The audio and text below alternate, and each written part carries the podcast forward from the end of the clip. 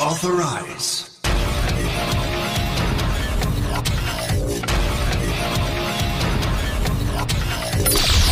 Prog Rise!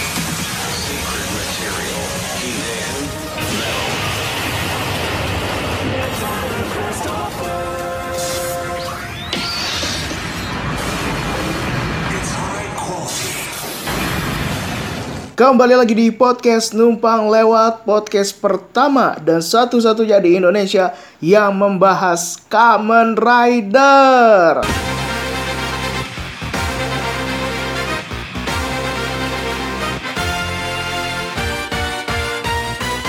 Halo Toku People dan insan Kamen Rider di mana pun kalian berada Bertemu lagi bersama saya di mana sudah lama sekali kita tidak berjumpa dan tidak bertemu. Uh, Luar biasa, luar biasa. Yang namanya kehidupan, yang namanya manusia Kadang ada di atas, kadang ada di bawah. Semua kehidupan itu bagaikan roda ya kan? Berputar-berputar kalau misalkan kemarin-kemarin agak sedikit rajin untuk upload upload podcast kan belibet kan untuk upload upload podcast mencoba untuk membahas Kamen Rider Zero One setiap episodenya dan juga beberapa hal lainnya movie Kamen Rider terus juga terakhir gua ngebahas apa ya live action dan sempat terhenti ya produktivitas dari podcast numpang lewat podcast pertama dan satu-satunya di Indonesia yang bahasan utamanya adalah Kamen Rider. Gua berani jamin itu. Tapi tentu saja yang pertama dan satu-satunya belum tentu yang terbaik ya. ya namanya juga hidup begitu. Tidak apa. Yang penting kita semua sehat lah. Pokoknya yang penting semuanya sehat apa pun kondisi kita. Kenapa jadi begitu?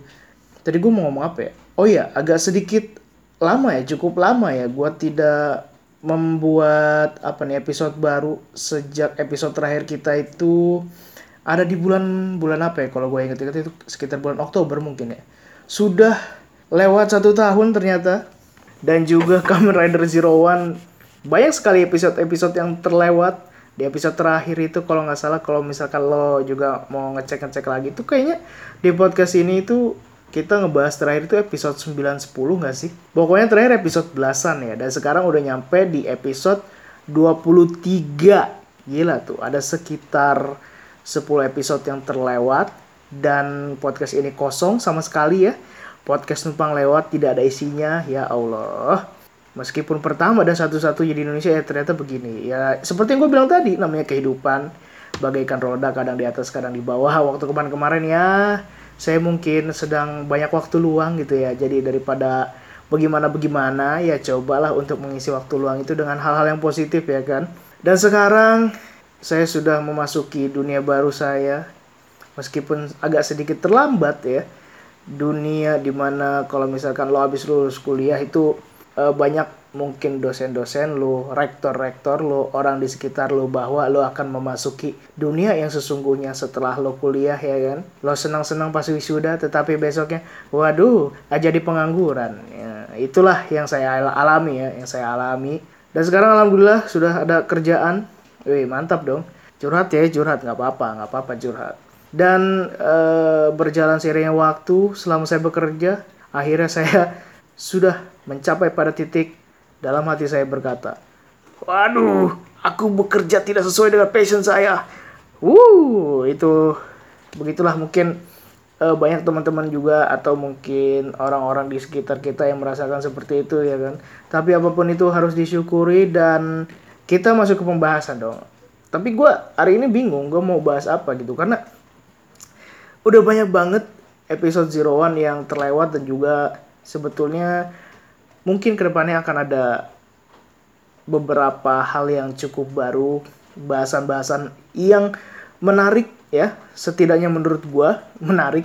Mudah-mudahan bisa dinikmatin kita secara bersama. Zero One udah banyak terlewat berapa ya ya 10 episode itu lah sekarang episode 23 menurut gua sih seru banget. Dan di antara yang terlewatkan terlewatkan itu sudah banyak sekali yang terjadi di serial Kamen Rider Zero One, Kamen Rider era Reiwa yang pertama.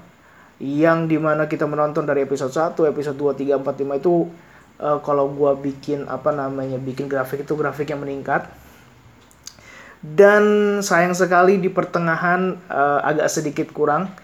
Menurut gua kurangnya karena apa? Nanti mungkin eh, selengkapnya akan kita nggak selengkapnya sih agak sedikit kenapa bisa agak kurang ceritanya akan nanti dibahas. Tapi yang mau gue omongin adalah banyak hal terjadi banyak hal yang terlewat di kamera dari Zero One ini. Yang terjadi di antaranya adalah mulai dari kemunculan form dari kamera dari Vulcan Assault Wolf terus juga ada Assault Shining Hopper sampai kepada kemunculan kerajaan Sunda Empire. Waduh, kenapa begitu ya? Pokoknya banyak banget yang muncul. Mulai dari Assault Wolf, Assault Shining Hopper, terus sampai pasti kesenangan saya dan juga kesenangan Anda, Kamen Rider Tozer.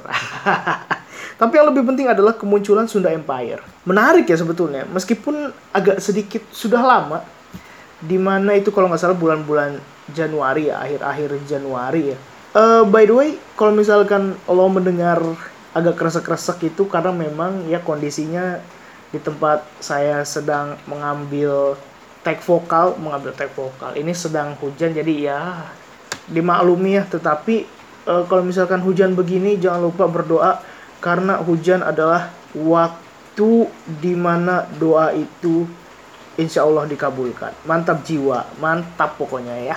Ngomong-ngomong Sunda Empire nih, itu kan kerajaan ya karena memang kemarin-kemarin itu banyak banget kerajaan-kerajaan yang muncul di Indonesia tapi sebelum itu sebetulnya ada juga kerajaan-kerajaan yang sudah muncul sebelumnya di Jepang yaitu kerajaannya si Kamen Rider Gio ya tapi asli sih itu kocak banget loh Kamen Rider, eh Kamen Rider Gio sudah Empire itu masa dibilangnya NATO lahir di Bandung NATO itu terdiri dari ABCD coba A-nya Amerika, B-nya British, C-nya Kanada, D-nya BSD. Wah, rumah saya dong. Waduh. Uh, ngomong sendiri, ngelawak sendiri. Tidak lucu ya ternyata. Mudah-mudahan ya terhibur Anda semua ini. Terus di antara yang terlewat dan yang kejadian-kejadian yang di episode-episode sebelumnya ternyata Horobi masih hidup ya kan dia dikurung di situ terus ternyata orang sekarang bisa jadi monster Humagir bisa jadi monster di mana Gear menjadi monster itu nggak perlu dipaksa, tetapi dia bisa jadi monster itu karena kehendaknya sendiri karena pemantiknya adalah ketika dia melihat orang berbuat jahat gitu. Jadi kayak wah ini manusia jahat nih manusia harus dibunuh. Jadi makanya di akhirnya jadi jahat juga. Dan itu bantuan dari kekuatan dari Ark yang sebetulnya masih banyak misteri juga terjadi. Bukan terjadi sih, masih banyak misteri yang bikin kita penasaran ya. Sebetulnya Ark itu apa, siapa yang menciptakan, dan kenapa dia begitu kuat gitu sehingga dia bisa mengambil kontrol Gear dengan merespon kejahatan dari manusia gitu.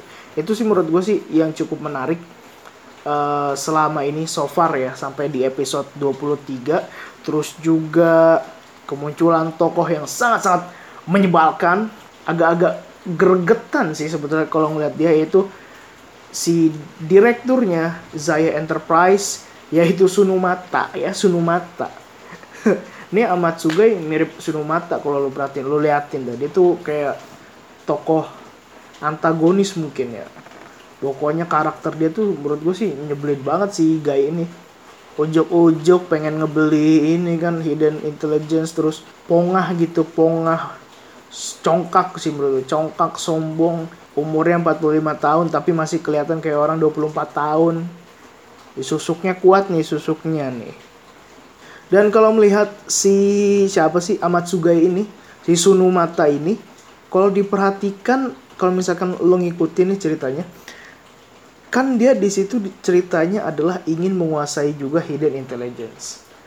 Ingin apa ya, merger perusahaan gitu, merger antara Zai Enterprise dengan hidden intelligence. Tapi mergernya itu karena si hidden Naruto nya nggak mau akhirnya dia uh, apa sih menggunakan cara yang lain untuk merebut perusahaan hidden intelligence. Pakai lomba-lomba tuh nah cuma di situ kan disebutkan bahwasanya si Amatsugai ini dia itu kenal sama kakeknya si Hiden Naruto atau direktur dari Hidden Intelligence sebelum Hidden Naruto.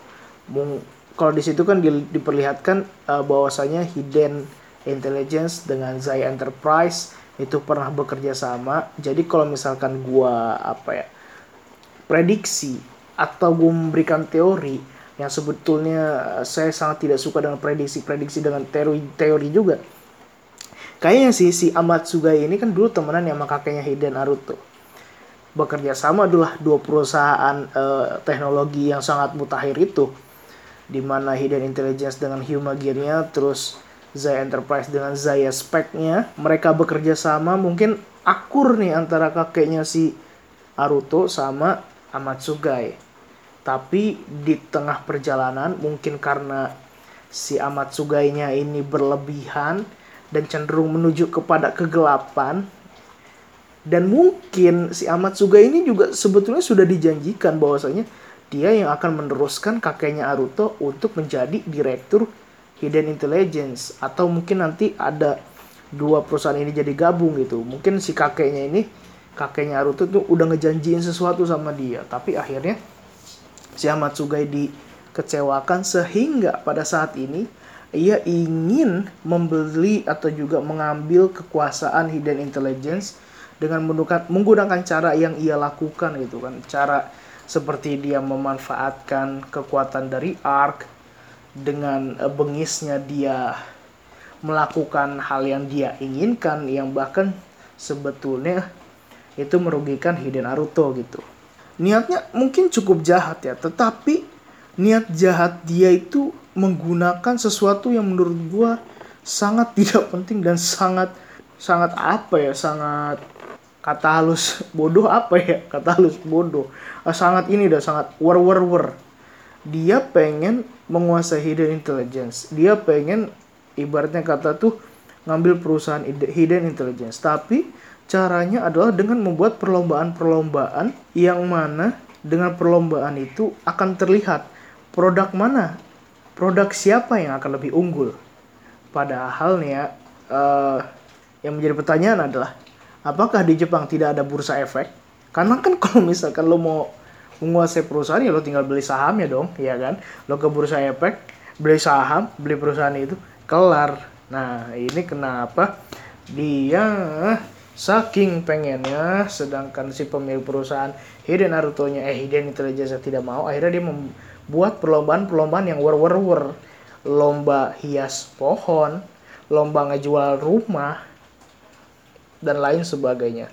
Yang menurut gue ini sih yang menjadi titik lemah dari apa ya dari cerita Zero One di mungkin 11 ke atas sampai 20-an lah sebelum ini ya Metal Cluster Hopper muncul itu gue ngerasa di situ agak sedikit bosen karena kebetulan ketika nonton itu juga gue berbarengan dengan nonton Boku no Hero Academia season 4 yang sangat-sangat apa namanya menggugah perasaan, menggugah hati. Yang pas bagian ini sih, pas bagian uh, si Deku sama Lemillion itu mau nyelamatin Eri-chan dan di situ pertarungannya epic terus juga emosi kita campur aduk. Jadinya gue lebih prefer ah lebih tertarik sama Boku no Hero. Sedangkan di Zero One ini yang pas bagian ini tuh kayak lu ngapain sih lomba-lomba kayak gitu? Nggak jelas. Terus nih ya si Amatsuga ini kan Kamen Rider Toaster itu kan sering banget gitu. Kayak dia menghalalkan segala cara. Bukan maksudnya bukan dalam di luar konteks perlombaan yang ia lakukan gitu. Kayak ia berubah jadi Kamen Rider Toaster terus dia ngahajar si Aruto gitu. Dipukulin dibantai abis. Nggak dikasih ampun si Aruto babak belur gitu. Dan gue yang bikin gue heran adalah si Aruto udah dihajar kayak begitu. Kenapa besok besok besokannya nih kadang kala nih dia ketemu ama Amatsuga itu kayak biasa aja gitu. Kalau gue nih jadi Aruto udah diperlakukan seperti itu sama amat juga. Ya gue benci bro. Gue benci sebenci bencinya ibarat kata kan lu udah dipukulin lu udah dihajar lu udah babak belur.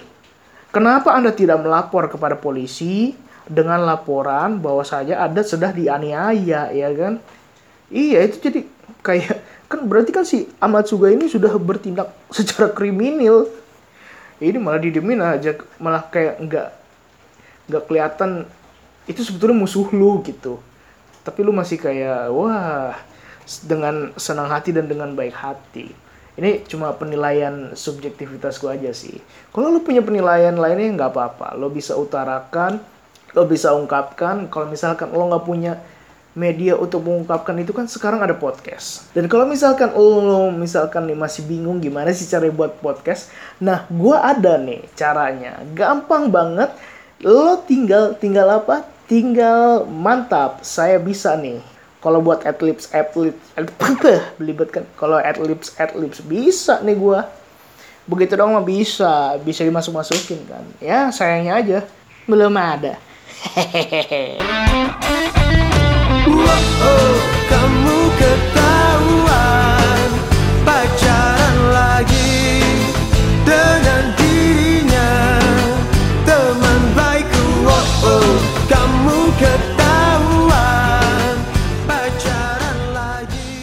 Tapi apa pun keanehan yang terjadi, gue suka sama ini sih, Ancient Soundnya Kamen Rider Towser.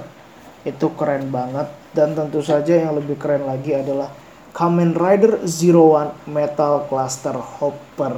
Di episode ke-23 ketika Kamen Rider Towser dan Kamen Rider Zero One Metal Cluster Hopper mereka ada percekcokan, mereka berkelahi, mereka bertarung.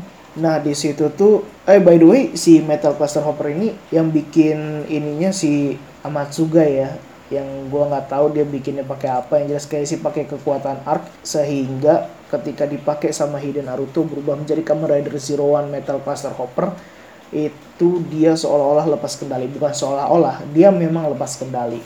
Dan menurut gue sih form Kamen Rider dengan bentuk simple seperti itu ya. Warnanya silver dan terus juga dia punya kekuatan kayak ada belalang-belalangnya gitu loh yang lilingin dia gitu loh. Yang melindungi dia itu menurut gue sih sangat-sangat keren. Ditambah lagi dengan form kalau gue bilangnya ini adalah form with great power comes great responsibility gitu. Jadi semakin dia kuat maka dia semakin gak bisa mengkontrol kekuatan yang dia punya.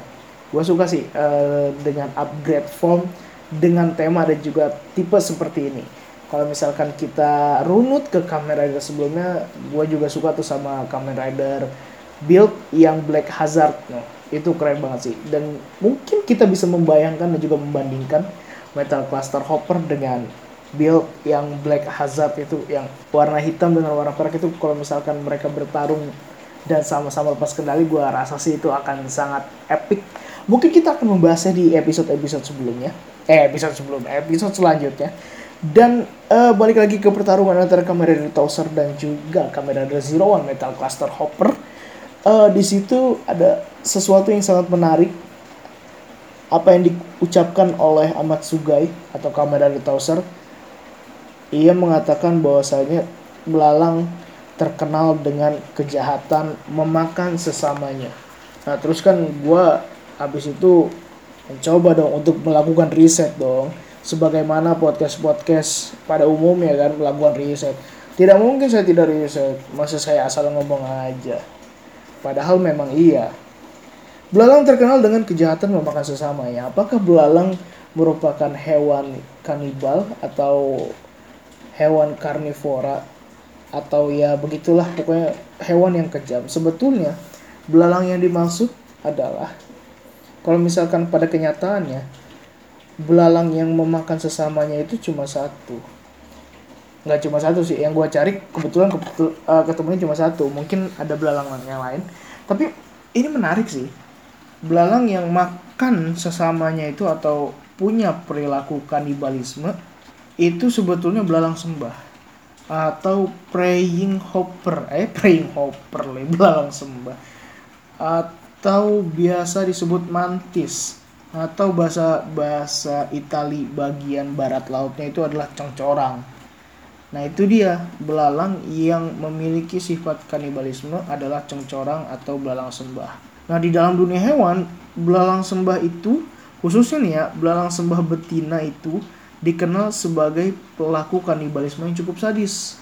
Kenapa? Karena ketika mereka berkembang biak atau berhubungan bersama si jantannya, maka belalang sembah betina akan memotong kepala pasangannya. Tidak hanya memotong, tetapi kemudian memakannya. Bayangin men. Bayangin ya kan lagi enak-enak, kepalanya dipenggal terus dimakan. Kan kalau kita lihat desainnya si kamera dari Zero kan itu kan grasshopper ya, belalang biasa gitu, belalang yang senantiasa kita temui dulu di masa-masa kecil kita ya kan? Eh di mana ketika gedung-gedung dan juga perkotaan belum sebanyak ini karena dulu apalagi gue juga kan tinggal di kebun gitu banyak ada belalang tuh belalang mulai banyak, banyak jenisnya. Yang paling gue inget tuh tau gak sih lu belalang pocong belalang pocong ada bro ada belalang pocong dulu tuh. Jadi bentukannya itu dia kecil warna hijau. Biasanya suka ada di rumput loncat-loncat dan bentuknya itu kepalanya itu lancip gitu panjang. Kayak congpo gitu makanya dibilangnya belalang pocong. Nah balik lagi ke apa ya ini namanya? Belalang sembah atau belalang cengcorang. Cengcorang ya. Betina betinanya adalah salah satu hewan yang memiliki sifat kanibalisme di mana dia ketika kawin kepala jantannya nih kepala jantannya dipotong terus dimakan.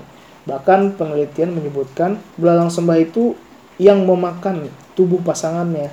Usai kawin itu bisa memproduksi lebih banyak telur dibandingkan mereka yang tidak. Jadi tujuannya adalah ketika dia kawin memakan memenggal atau memotong kepala jantannya dan kemudian memakannya adalah untuk yaitu biar telurnya banyak gitu.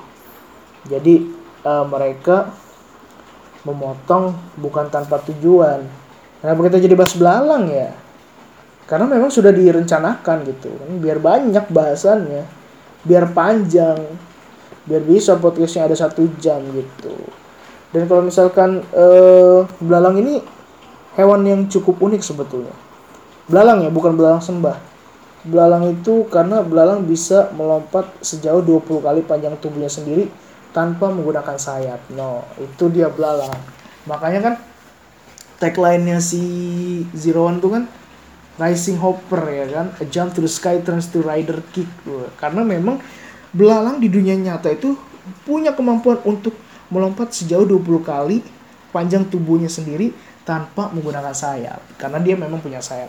Nah kemampuan si Zero One ini kan dengan Progreski Rising Hopper itu kan jump jump A jump to the sky turns to rider kick Kamen Rider Build punya Rabbit full battle Rabbit yang mana memang ability-nya adalah loncat.